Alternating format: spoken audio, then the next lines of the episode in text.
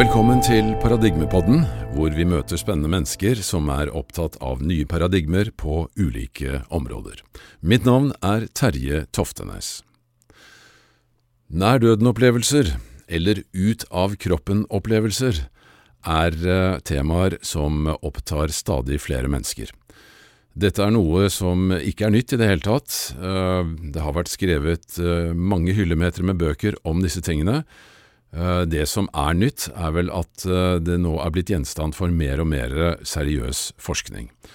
Flere universitetssykehus, både i England, USA og Nederland, har over lengre tid drevet forskning på slike tilfeller, altså mennesker som da hevder at de har gått ut av kroppen, svevet under taket i operasjonsrommet, sett ned på sin livløse kropp, og uh, kan berette om alt som har blitt gjort og sagt uh, mens de har vært borte, og også navngi alle de både sykepleiere og legere som har vært inne i rommet, og osv. osv.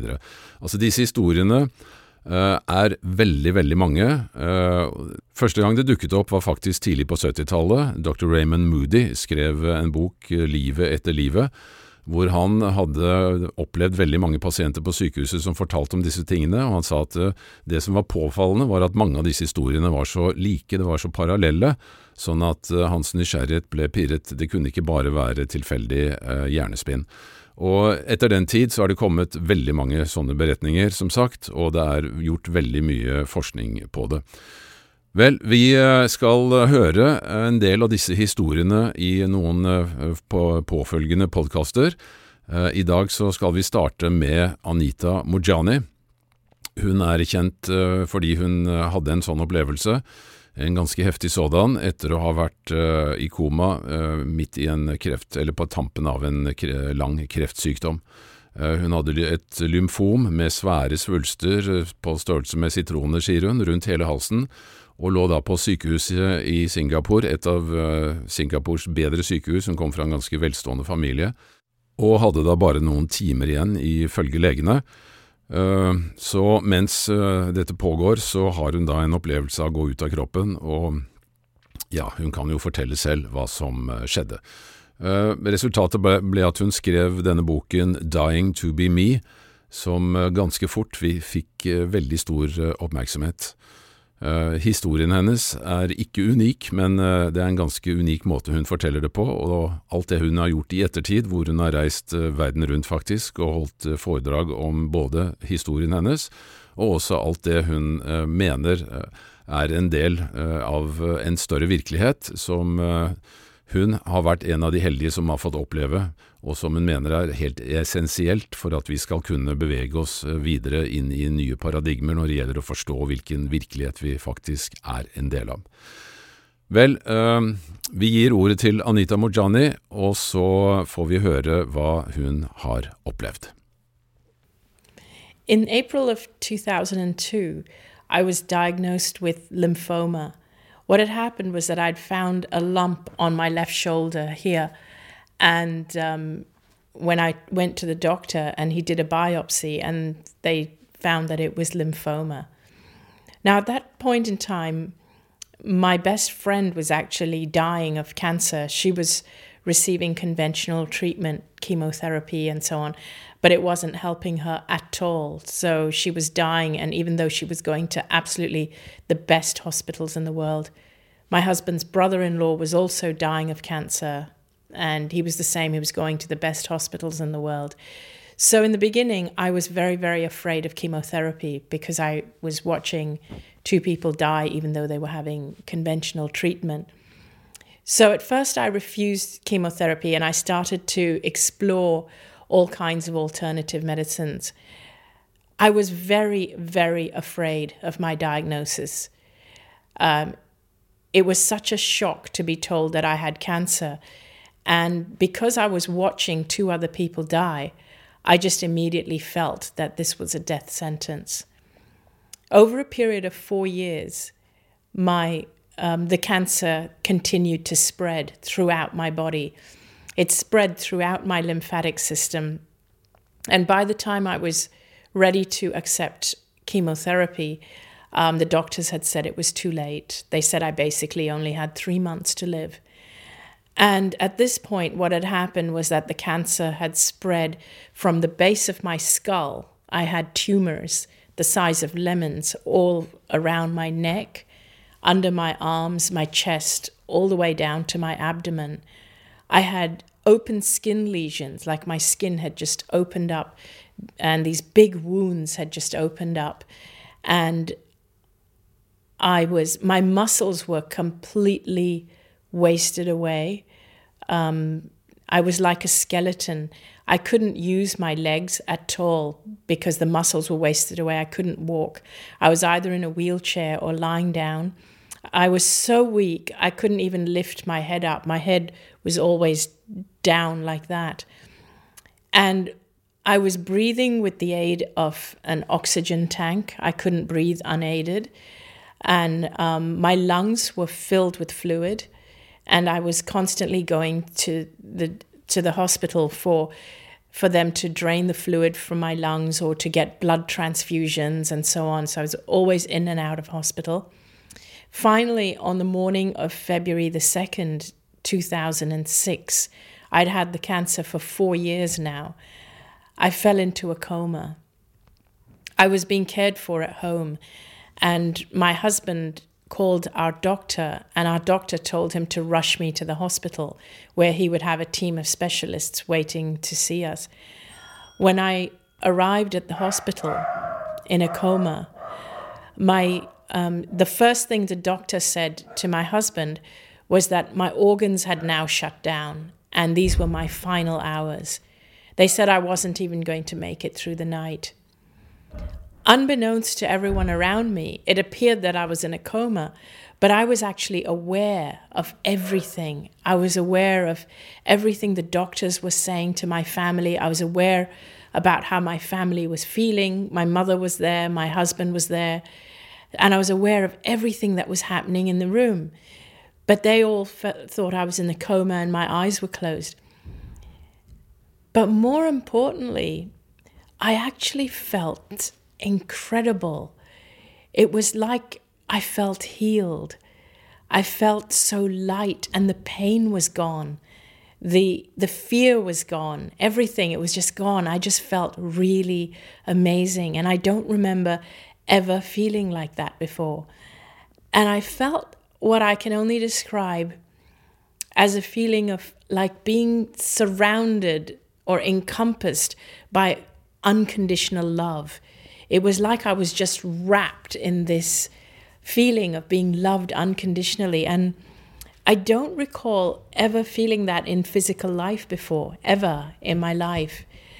It was like I was just surrounded by this feeling of unconditional love, like it just completely encased me and and it's nothing like I'd ever experienced in physical life before.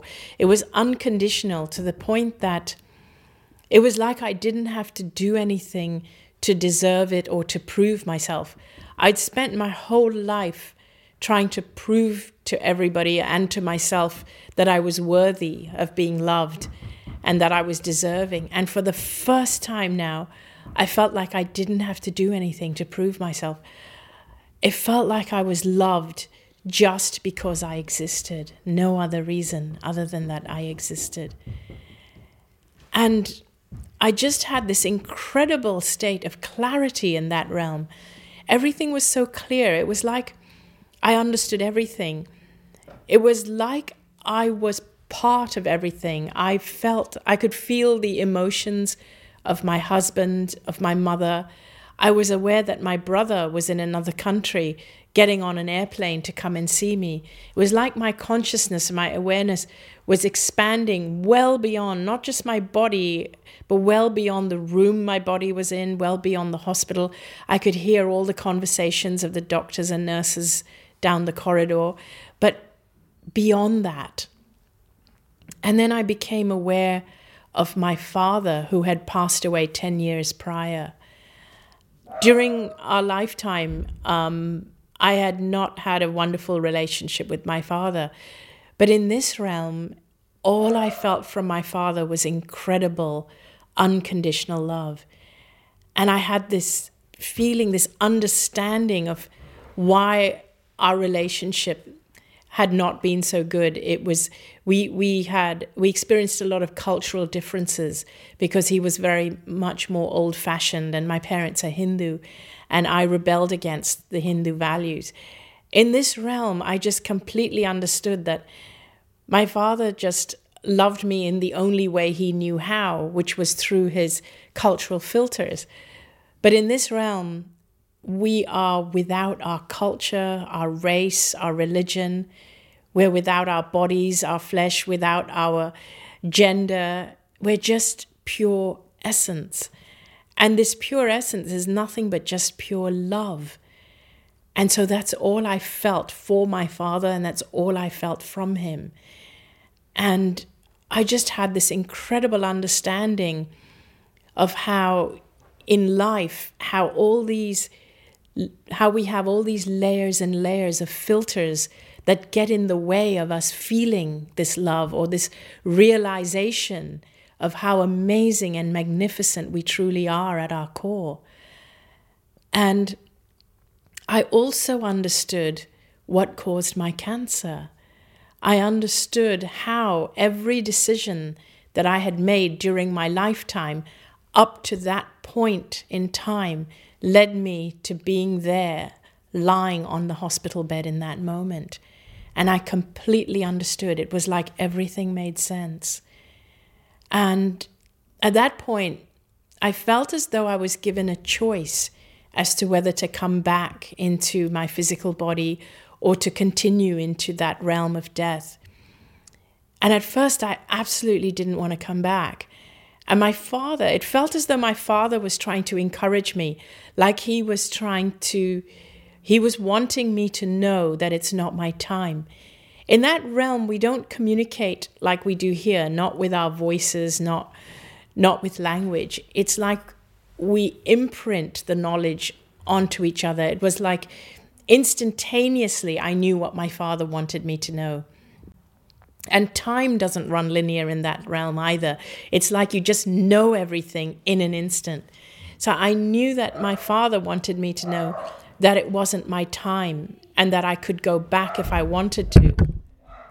But um, but I knew that I still had the choice of whether I wanted to go back or not. At first, I absolutely didn't want to come back there was no reason to come back into a body that was sick and dying. I was suffering, my family was suffering, taking care of me. So there was no reason to come back. So at first, I really didn't want to come back.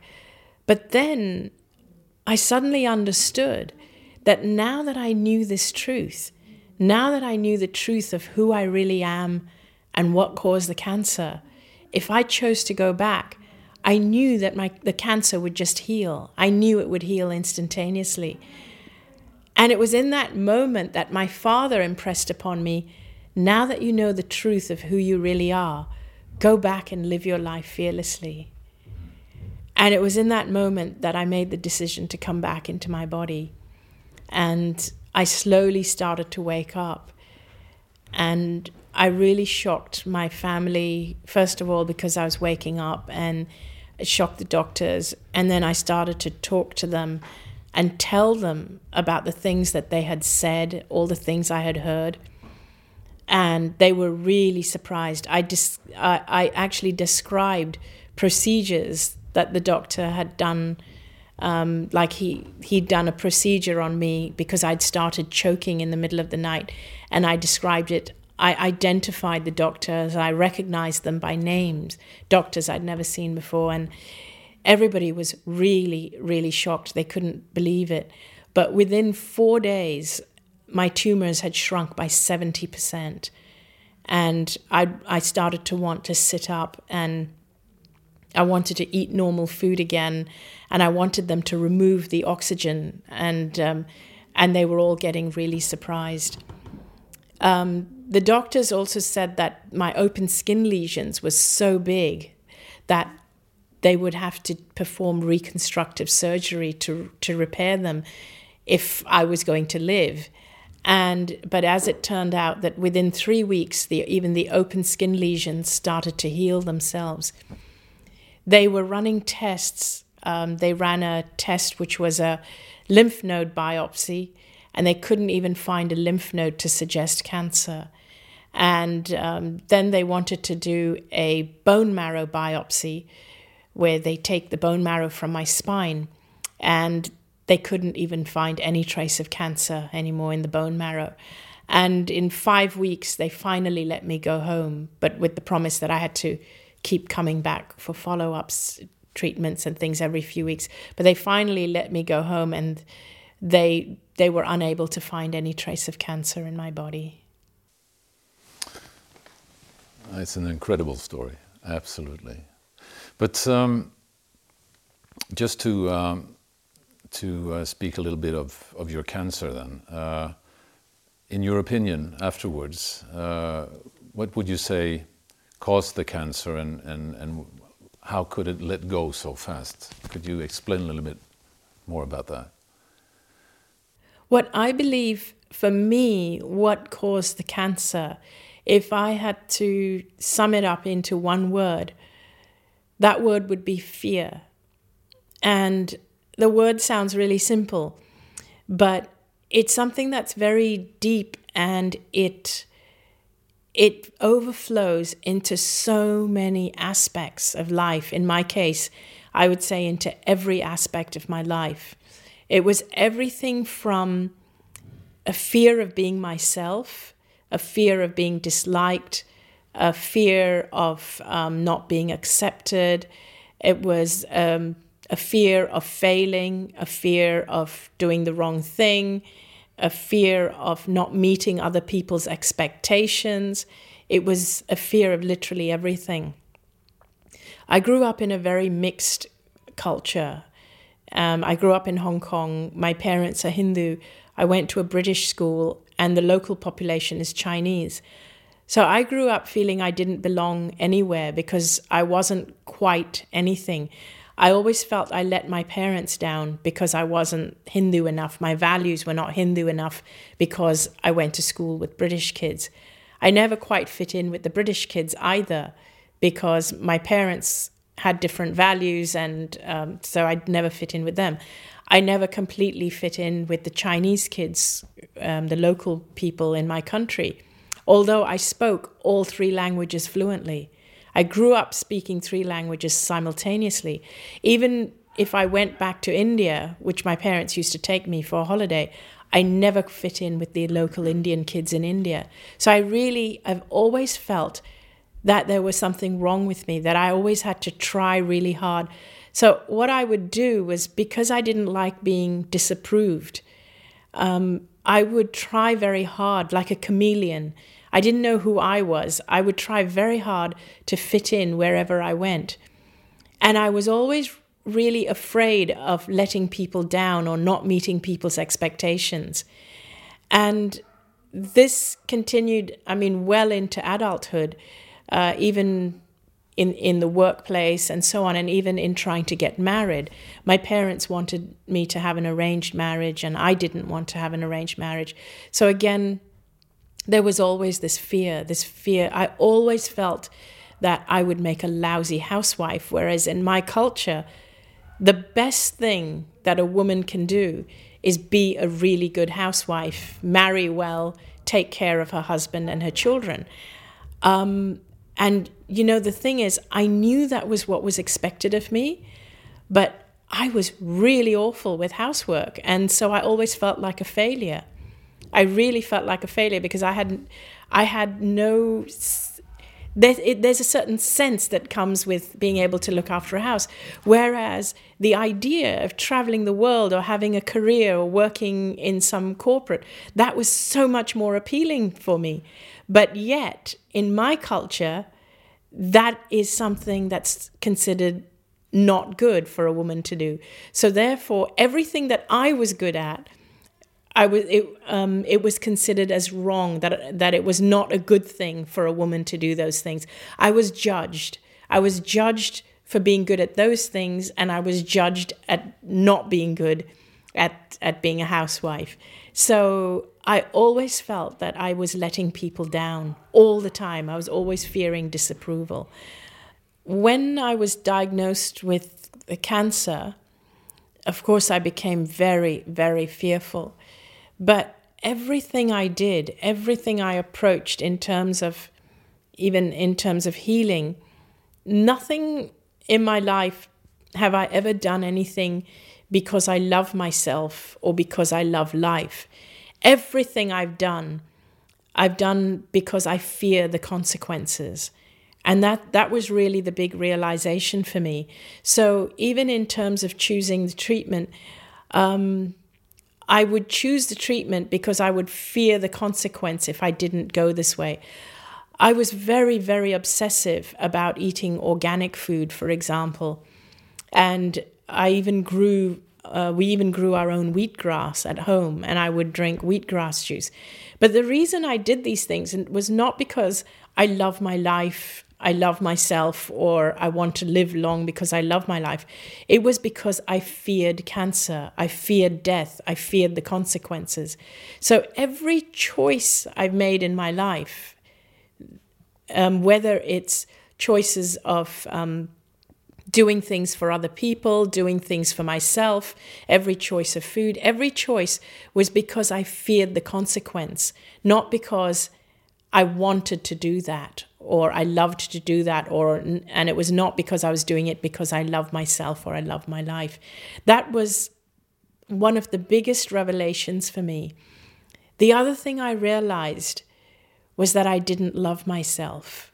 I had always put myself down, forsaken myself, judged myself. I'd always been very, very harsh with myself. That was a huge realization for me in the other realm. I realized that you are supposed to love yourself, and I never knew that. I'd always thought that you're supposed to love others but not love yourself.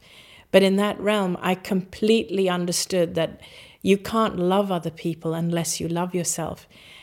And I realized that when you love yourself, when if I loved myself, there would be no room in my life for fear. I had so much fear because I didn't love myself. And when you love yourself, there's no room for fear. So then, um, I think you said in your book that the cancer was kind of your uh, uh, life power turning towards you instead of Yes. Uh, yeah, could you explain a little bit about how you uh, re regard that? When I had the cancer, I used to think that maybe the cancer was some kind of punishment or it was my bad karma or something like that. But when I was in the other realm, I understood that it wasn't. It absolutely wasn't.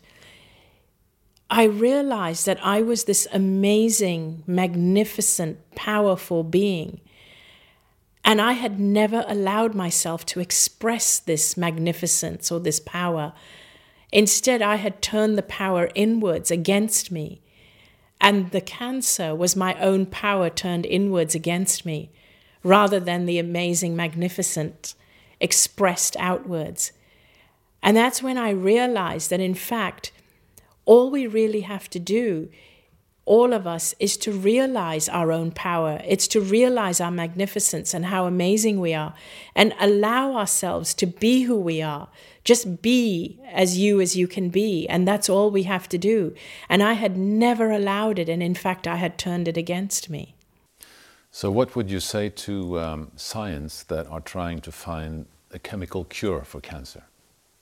I would say that you will never find the root cause of cancer with chemicals. Never. Because what medicine does today is that it manages the symptoms. There is something underlying, and science is not going in that direction. And the underlying thing has to do with our emotions. Our emotions are hugely linked to our illnesses. They really are. They're hugely linked. But if we spent as much money time, awareness in researching wellness and emotions and the emotional link to wellness and holistic wellness, if we spent in as much money and time as we do on researching cancer and medicine, I think we would have had a cure by now. Great. Um, what would you say uh, if you were to uh, to kind of um, put these two realms up towards each, each other? I mean, the the realm that we are physically in, the 3D realm, and and the uh, the other realm. What what are the the, the main differences? Or, I mean, how did you see it from the other side? The other realm is really, really limitless. Like there's no boundary of time and space. And when I say no boundary of time and space, what it means is that I could be anywhere at any time. So it doesn't just mean I could be on the other side of the world in an instant. It also means I could go back in time and forward in time. I was able to see my future. I was able to see my past. I was able to see other lives, which, although everything appeared like it was happening simultaneously, so it was like even the other lives were happening simultaneously. I could interpret them as my past lives. So it was like I could be anywhere at any time. In this realm, it's like we are focused in one moment of time, in one place at a time, one moment. And it's like our minds have to process it this way. And we look at our lives as a sequence of moments. But in actuality, when you're not in your body, it's like what I like to call having a God's eye view. Um, like we say, bird's eye view. This is like having a God's eye view, where when you're not in your body, you can see all your moments of time all at the same time. And it doesn't matter if it's past, present, future, and everywhere you've been, every space that you've been, not yet been, about to go, every possibility, you can actually see all of it. You're aware of all of it, all at the same time. Like right now, in this moment, you could be aware of everything. So, what has that done to your kind of perspective of, of life now? I mean, how, how is, is this affecting your life now afterwards? It's completely changed the way I view um, how we how we live our lives because we seem to think that um, you know life we seem to think that life is linear, that time is linear, and that we have a limited amount of time to accomplish a lot of things. So we live life as though it's a race. I now realize that that's not the case. The only thing that I have to do is really enjoy every single moment. And in fact, those of us that think that we have to rush and live life like a race because we have limited amount of time to cram everything in i actually see that as wasting our lives and living it in high stress we're actually losing the best part of our lives by doing that, by thinking that life is linear and I've got to now run this race and I've got to do this, I've got to earn money, and then I've, uh, I've got to have enough money to get a big house. And so we spend all our time just chasing, chasing, chasing. And what I now realize is that all points of time are all happening at the same time, and I have access to it all. And in order to actually access the best possible moment or the best possible outcome or the best possible next moment is to just find my joy in this moment. As long as I just do what brings me joy right now, I will have absolutely the best possible life that I can have. Hmm. Beautiful. But um, in this realm, then, we are a kind of separated from uh, this feeling of, of being part of a oneness. And uh, we are also uh, introduced to this um, phenomenon called fear. Mm-hmm. Why do you think it is so? I think it's human conditioning. And, you know, it is, to me, coming back from a near death experience, I actually find it really frustrating how we've been taught and conditioned to think so opposite from how would how we really need to be thinking. It's so ineffective. It's like there's a part of me that feels, how could we have got it so wrong? Life is not supposed to be this difficult. From the time we're children, we're taught to fear. And we're taught that fear actually keeps us safe. If you fear everything, if you fear strangers, if you fear crossing the road, and so on and so on, fear keeps you safe. In actuality, that's absolutely not true. Fear immobilizes you. It actually limits your, um, it limits your enjoyment of life. Love is what keeps you safe. When you love yourself, when you love your life, you won't do things to endanger it. You really won't. You won't put yourself in a place where you feel that harm can come to you because you love your life. If you love the people around you, you, you won't want to die. And we use fear for everything. We tell people that don't commit suicide because you will experience punishment on the other side. So people don't who are miserable don't commit suicide because they're they're afraid of death. Why are we not teaching people to love their life instead? Don't commit suicide because life is valuable. And if you if you're feeling suicidal, it means you need to learn to love your life, not fear death. And this seems to be what we as humans we seem to use fear all the time to control children, to control in a classroom situation. In every situation, we use it in the government, we use it in the medical system, we use fear to control people. And it's just, I find it frustrating. And then we wonder why we have created a society of such messed up people parents tend to use fear to control the children and it's not their fault. We can't go and blame our parents because it's the way their parents did with them. And then we're finding our generation are doing it with our children and so on. Teachers use it to control children. Governments use it. Our whole medical system is based on fear. Nobody the, the medical system, they never talk about wellness. Nobody knows what wellness looks like. The whole thing is based on fear of illness. We pour so much money into illness, and all our awareness is on illness, and everybody fears illness, but nobody even knows what wellness really looks like or feels like. And I just find the whole thing is so upside down, even down to subtle levels. The fear is very subtle. Women fearing that their body clocks uh, are running out of time, again, the time. And so they feel pressurized into getting married. And society puts a lot of pressure. There's gender pressures. Men have to be successful. Women have to be married, have children all these things we do, we're not doing it because we have a passion to do it. We love to have kids. We want to be married. We're in love. None, it's not that. It's I fear. I fear being left behind. I fear not having children, getting old without having children.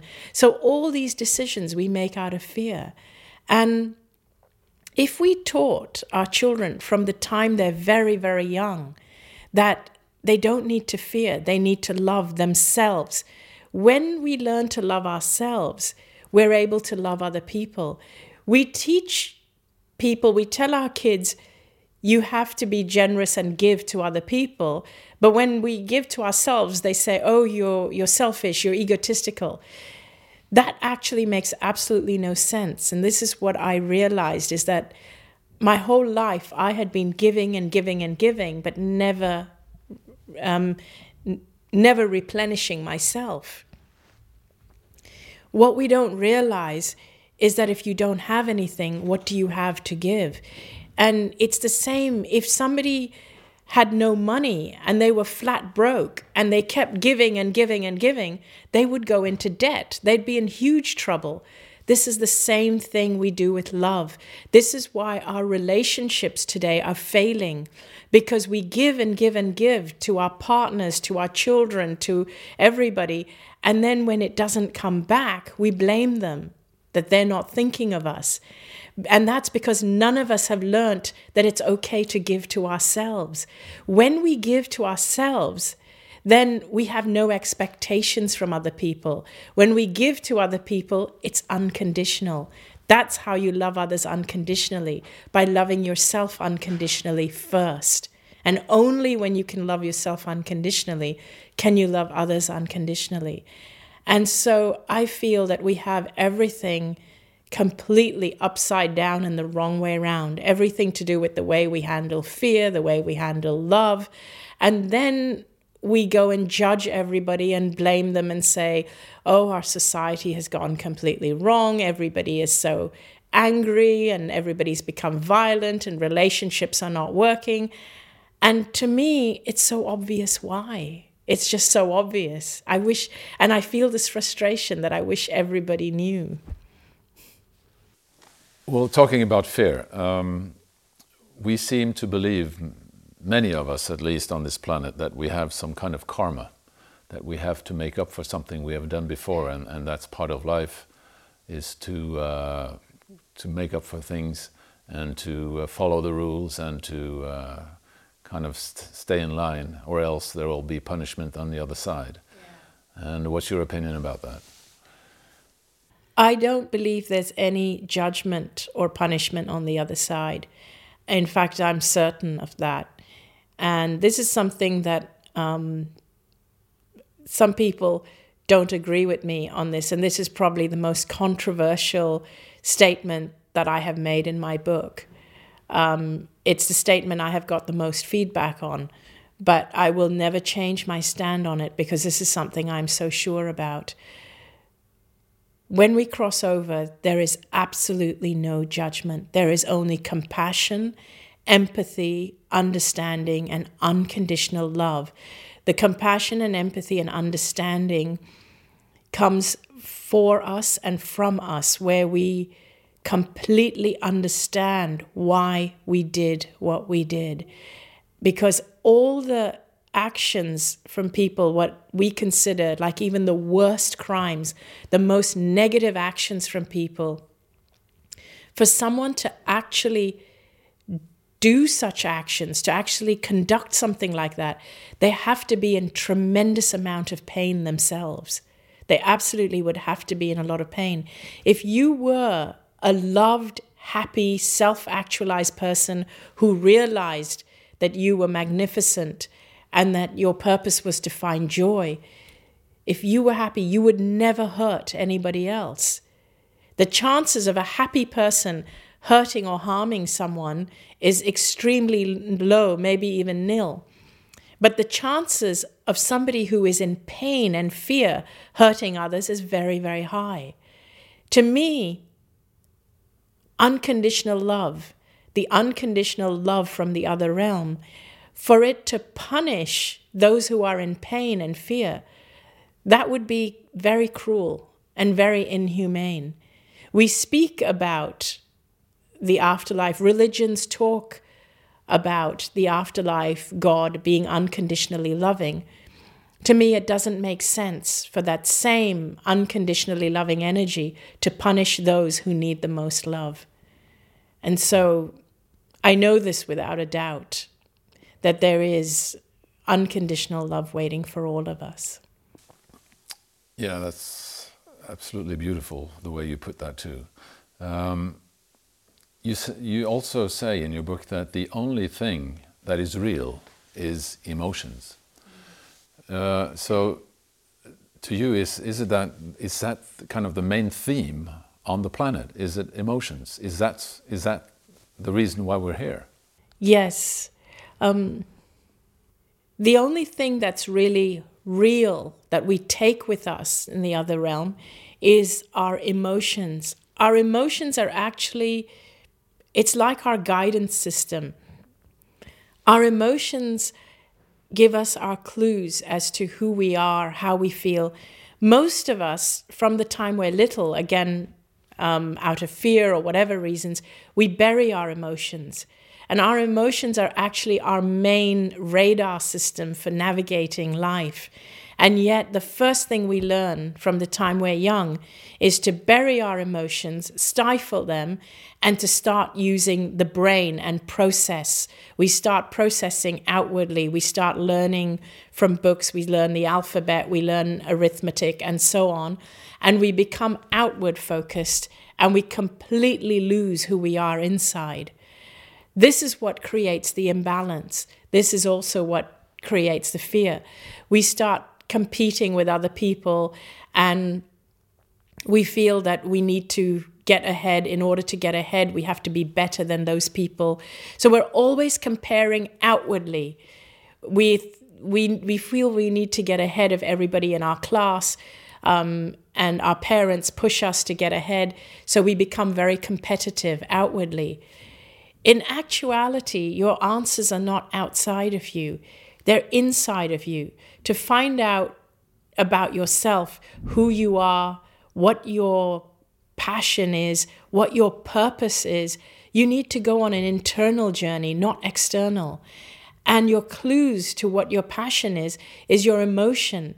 Ask yourself every day what brings you joy? What makes your heart sing? What makes you smile? And those, the answers to those questions are the clues to what you should be doing and spending your life doing. The answers to those questions tells you who you are. But those are not the questions we ask ourselves. Usually we ask ourselves, um, which which subjects at school are going to get us into university, which um, which university is going to get us the best job with the most prestige and the most money, and and so on. Those are the questions we ask. We don't ask ourselves what brings me joy, and that's actually the most important question we can ask ourselves. Mm. Oh, that's wonderful. Um, you also said that. Um, uh, I mean, uh, the, your body, the physical body, uh, it reflects, it reflects, or its condition reflects the understanding of, of who you are. Could you say something uh, about that? Yeah. When I, when I first came out of the coma, I absolutely knew with every cell of my being that I was going to be fine. In fact, at my inner level, my consciousness level, I knew I was already fine, but my body just had to catch up. My physical body was still quite sick for the first for a couple of weeks. It had to catch up to my state of consciousness. But that whole experience has led me to realize that in truth, our physical body is really just a reflection of our inner state. If we're having a lot of problems with our health and physical ailments, it starts from actually finding joy in our inner state. It starts from allowing ourselves to be who we are, loving ourselves. The more you love yourself, value yourself, value your life, the more you will allow yourself to be who you are. And the more that you do that, you'll find that your outer life, your physical life, will reflect that. In fact, most people most people believe the outer life, the physical life, our bodies and physical life is actually real, and our emotions are a reflection of what's happening outside. It's actually completely the other way around. If you don't like what's happening outside, you actually have to change your emotions first, and then your outer world will actually reflect that. Mm-hmm. Um, I have to ask you this uh, God question. Sure. Um, what is your view on, on God and, and religion as, uh, as such after your experience? My views on religion are that death transcends religion. To me, it doesn't matter if you are a Christian, a Muslim, a Jew, a Hindu, a Buddhist, a Taoist. Really doesn't matter which religion you are. As long as the, your chosen religion helps you to live a life that allows you to discover yourself, find joy, if it helps you to be in a community where you feel you belong, then that's wonderful. Your religion really needs to be something that helps support and supports you and enhances your life experience. Many people follow a religion because they fear the consequences if they don't follow. I just want those people to know that you have nothing to fear. You really have nothing to fear. And following a religion because you fear the consequences is not the right reason to follow a religion. Death is something that comes to all of us. It doesn't matter which religion you are, we're all going to die.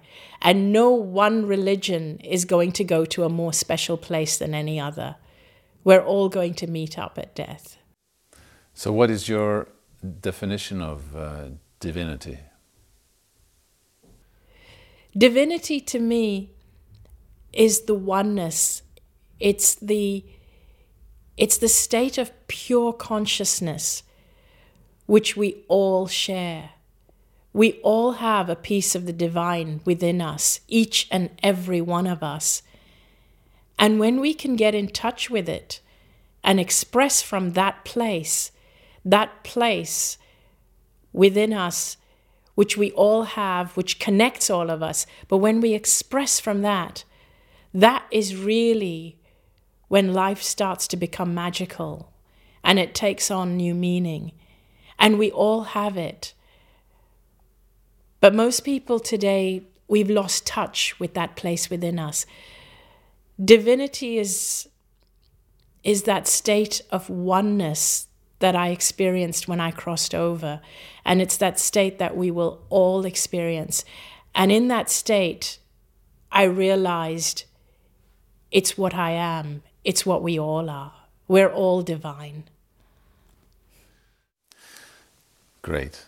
So if you, if we're wrapping up, uh, if you in few words could kind of express your core message, what would that be? What I would really want everybody to know is that every single one of you is amazing, magnificent, and powerful, more so than you could possibly know and realize. You're capable of more than you realize. We've grown up to believe that we're not, that we have to be small and that we have to be fearful, but we don't need to. And we spend our lives trying to improve ourselves. I want you to know that you already are everything that you're trying to attain. You just need to realize it. Are you still afraid of dying? No, not I'm not afraid of dying at all. Thank you so much, Anita. Thank My pleasure. Thank you.